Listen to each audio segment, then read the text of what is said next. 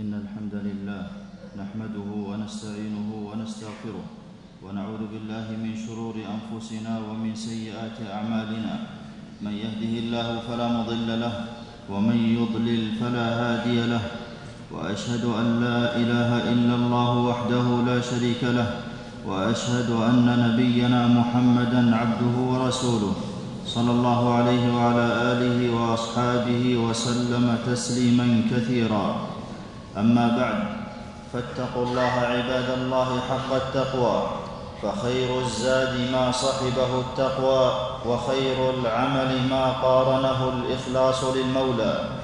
أيها المسلمون أوجد الله الثقلين لعبادته وأمرهم بامتثال أوامره وكتب السعادة لأهل طاعته. وعبادته سبحانه هي الحصن الذي من دخله كان من الآمنين ومن أداها كان من الناجين وهي خير محض لا ضرر فيها. قال جل وعلا وماذا عليهم لو آمنوا بالله واليوم الآخر وأنفقوا مما رزقهم الله؟ وكل خير في الأرض فإنه بسبب طاعة الله ورسوله. قال ابن القيم رحمه الله ومن تدبر العالم والشرور الواقعة فيه علم أن كل شر في العالم سببه مخالفة الرسول صلى الله عليه وسلم والخروج عن طاعته. وكل خير في العالم فإنه بسبب طاعة الرسول صلى الله عليه وسلم وكذلك الشر والألم والغم الذي يصيب العبد في نفسه فإنما هو بسبب مخالفة الرسول عليه الصلاة والسلام. ومن رحمة الله بعباده أن أمرهم بالاستجابة له لينالهم الخير فقال استجيبوا لربكم من قبل أن يأتي يوم لا مرد له من الله. فاستجاب المؤمنون لربهم وأفلحوا. إنما كان قول المؤمنين إذا دعوا إلى الله ورسوله ليحكم بينهم أن يقولوا سمعنا وأطعنا وأولئك هم المفلحون. وبذلك حيت قلوبهم وعلى قدرهم. قال سبحانه يا أيها الذين آمنوا استجيبوا لله وللرسول إذا دعاكم لما يحييكم. ومن بادر إلى طاعة ربه زاده هدى إلى هداه قال سبحانه والذين اهتدوا زادهم هدى وآتاهم تقواهم. قال شيخ الإسلام رحمه الله وكلما كان الرجل أتبع لمحمد صلى الله عليه وسلم كان أعظم توحيدا لله وإخلاصا له في الدين. وإذا بعد عن متابعته نقص من دينه بحسب ذلك. ومن استجاب لربه أجيب دعاؤه. قال تعالى ويستجيب الذين آمنوا وعملوا الصالحات اي يجيب دعاءهم ويزيدهم من فضله. بل وأحبه الله ورحمه وأدخله الجنة. قال عز وجل للذين استجابوا لربهم الحسنى أي الجنة. والرسل عليهم السلام بادروا إلى الإذعان والتسليم. قال الله لخليله إبراهيم عليه السلام أسلم قال أسلمت لرب العالمين وأمره بذبح ابنه الأوحد بيده فتله للجبين لذبحه وابنه إسماعيل عليه السلام قال له يا أبت افعل ما تؤمر ستجدني إن شاء الله من الصابرين وموسى عليه السلام سارع لإرضاء ربه وقال وعجلت إليك رب لترضى وأخذ الله ميثاق النبيين إن بعث فيهم نبينا محمد صلى الله عليه وسلم أن يؤمنوا به وينصروه فقالوا أقررنا. وقال الله لنبينا محمد صلى الله عليه وسلم قم فأنذر فخرج إلى الناس داعيا لهم إلى التوحيد وقال له قم الليل إلا قليلا فقام حتى تفطرت قدماه. وحواري عيسى عليه السلام استجابوا له. قال لهم عيسى من أنصار إلى الله؟ قال الحواريون نحن أنصار الله آمنا بالله. وحث الجن بعضهم بعضا إلى إجابة دعاة الله. يا قومنا أجيبوا داعي الله وآمنوا به. يغفر لكم من ذنوبكم ويجركم من عذاب أليم.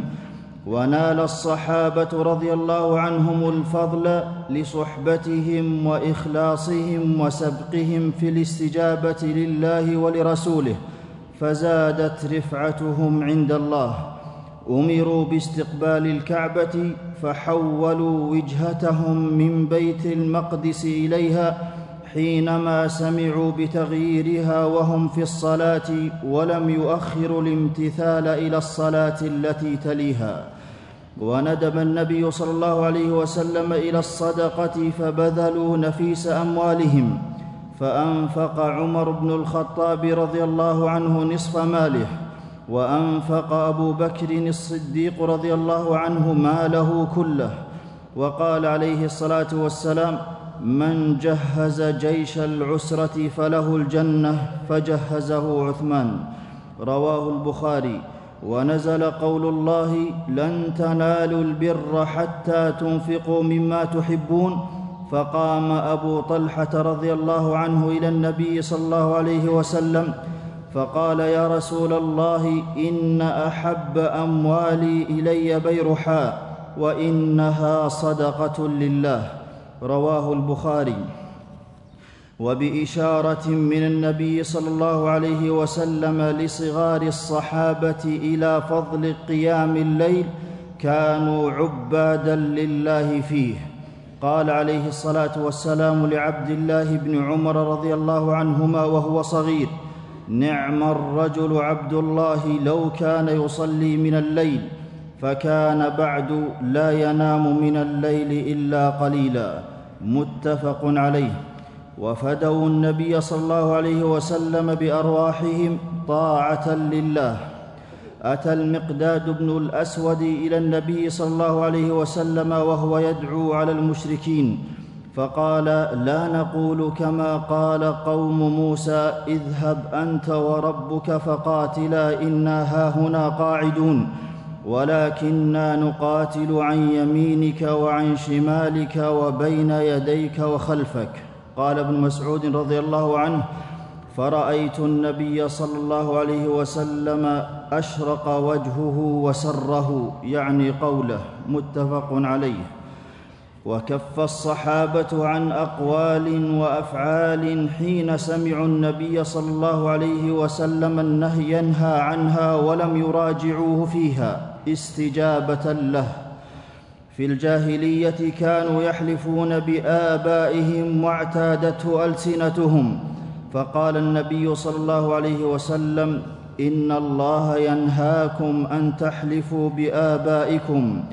قال عمر رضي الله عنه فوالله ما, ما حلفت بها منذ سمعت النبي صلى الله عليه وسلم لم أحلف بها ذاكرا ولا اثرا أي ناقلا هذه اللفظة عن غيري.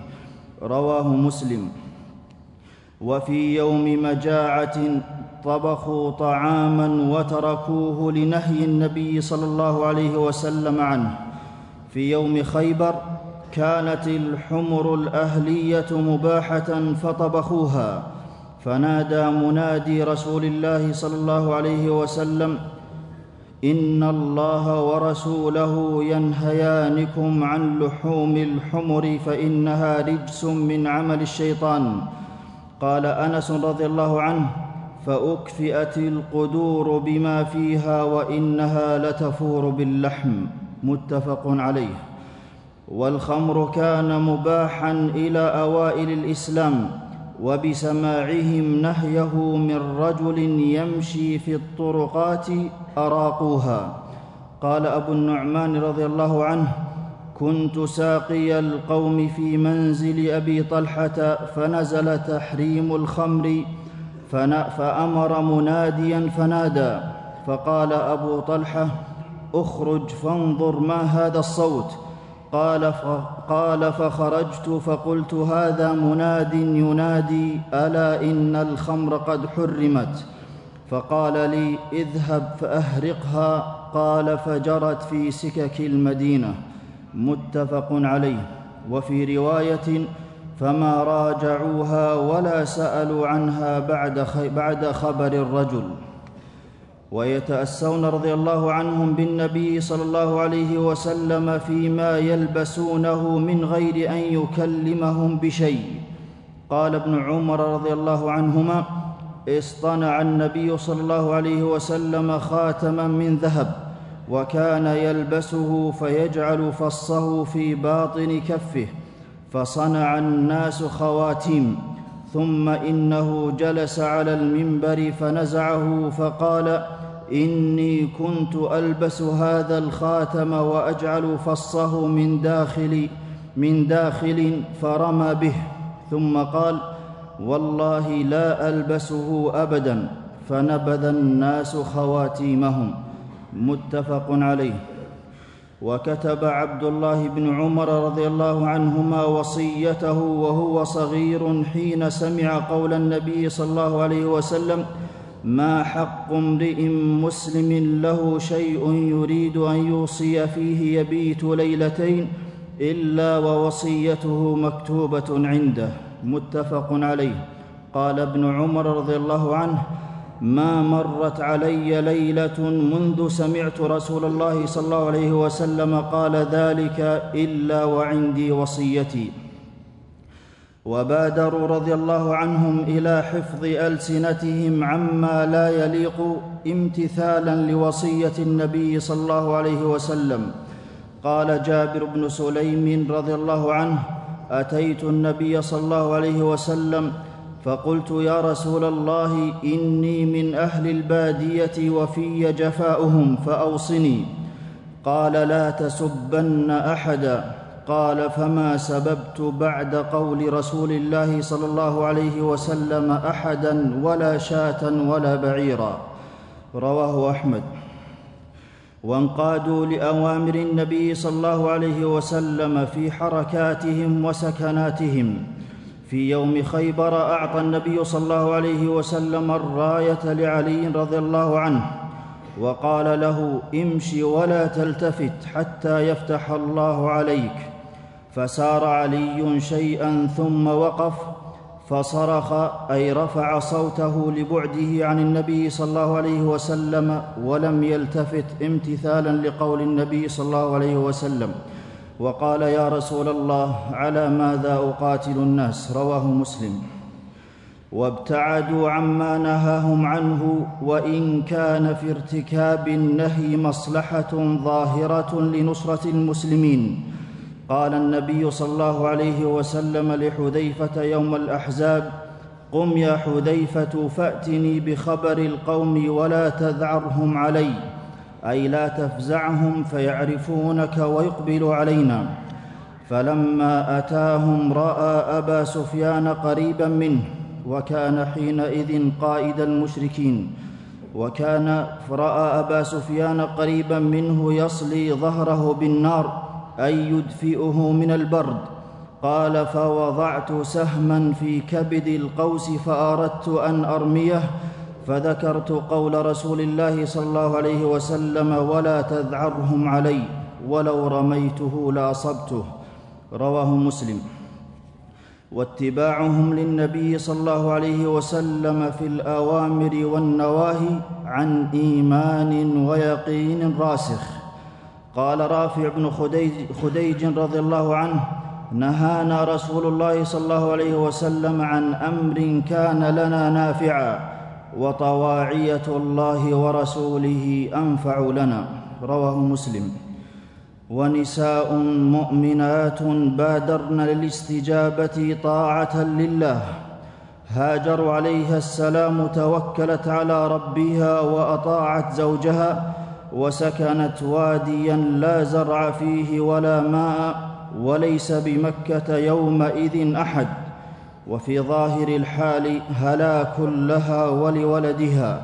فقالت لزوجها إبراهيم عليه السلام آه الله الذي أمرك بهذا؟ قال نعم. قالت اذا لا يضيعنا.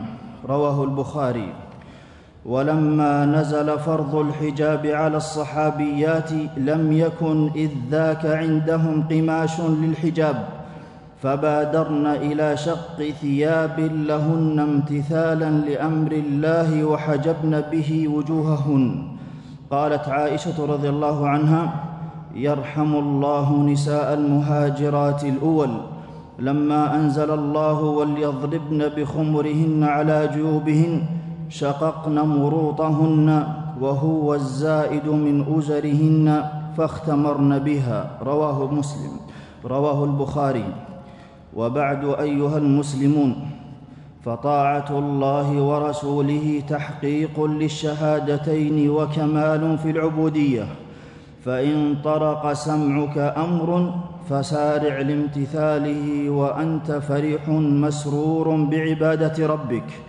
وإن كان نهيا فاجتنبه وانأ عنه موقنا بضرره طالبا مرضاة خالقك. أعوذ بالله من الشيطان الرجيم. ومن يطع الله ورسوله ويخشى الله ويتقه فأولئك هم الفائزون. بارك الله لي ولكم في القرآن العظيم. ونفعني الله وإياكم بما فيه من الآيات والذكر الحكيم. أقول قولي هذا وأستغفر الله لي ولكم ولجميع المسلمين كل ذنب.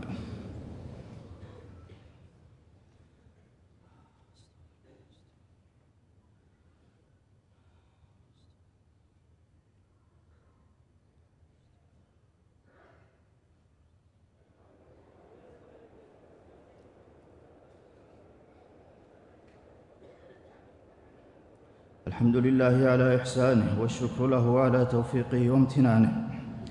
وأشهد أن لا إله إلا الله وحده لا شريك له تعظيما لشانه. وأشهد أن نبينا محمدا عبده ورسوله صلى الله عليه وعلى آله وصحبه وسلم تسليما مزيدا. أيها المسلمون أكمل الناس حياة أكملهم استجابة. ومن فاته جزء منها فاته جزء من الحياة. ومن لم يستجب لله استجاب لغيره من المخلوقين وأذله.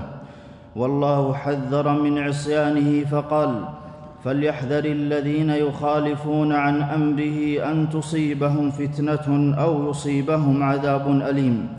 قال أبو بكر رضي الله عنه لست تاركا شيئا كان رسول الله صلى الله عليه وسلم يعمل به إلا عملت به إني أخشى إن تركت شيئا من أمره أن أزيغ. متفق عليه. والتردد في فعل الطاعة أو الكسل في أدائها ينافي كمال الامتثال. ومن قدم قولا على قول النبي صلى الله عليه وسلم لم يكن من المستجيبين له. وفي الآخرة كل أمة محمد صلى الله عليه وسلم يدخلون الجنة إلا من أبى. قالوا يا رسول الله ومن يأبى؟ قال من أطاعني دخل الجنة ومن عصاني فقد أبى. رواه البخاري. والمعرض يتمنى الرجوع إلى الدنيا لطاعة الله ورسوله. ويود الافتداء بملء الأرض ومثله للنجاة من العقوبة والذين لم يستجيبوا له لو أن لهم ما في الأرض جميعا ومثله معه لافتدوا به. ثم اعلموا أن الله أمركم بالصلاة والسلام على نبيه. فقال في محكم التنزيل إن الله وملائكته يصلون على النبي. يا أيها الذين آمنوا صلوا عليه وسلموا تسليما.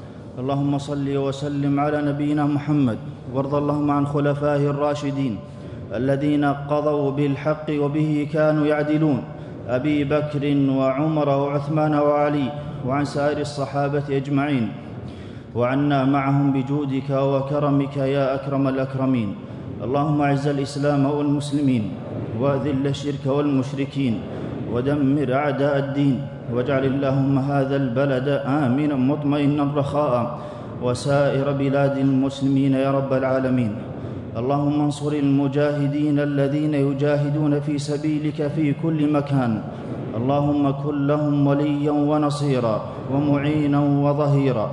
اللهم اجمع كلمتهم على الحق والهدى يا رب العالمين. اللهم عليك بمن بغى عليهم وآذاهم. اللهم دمرهم تدميرا.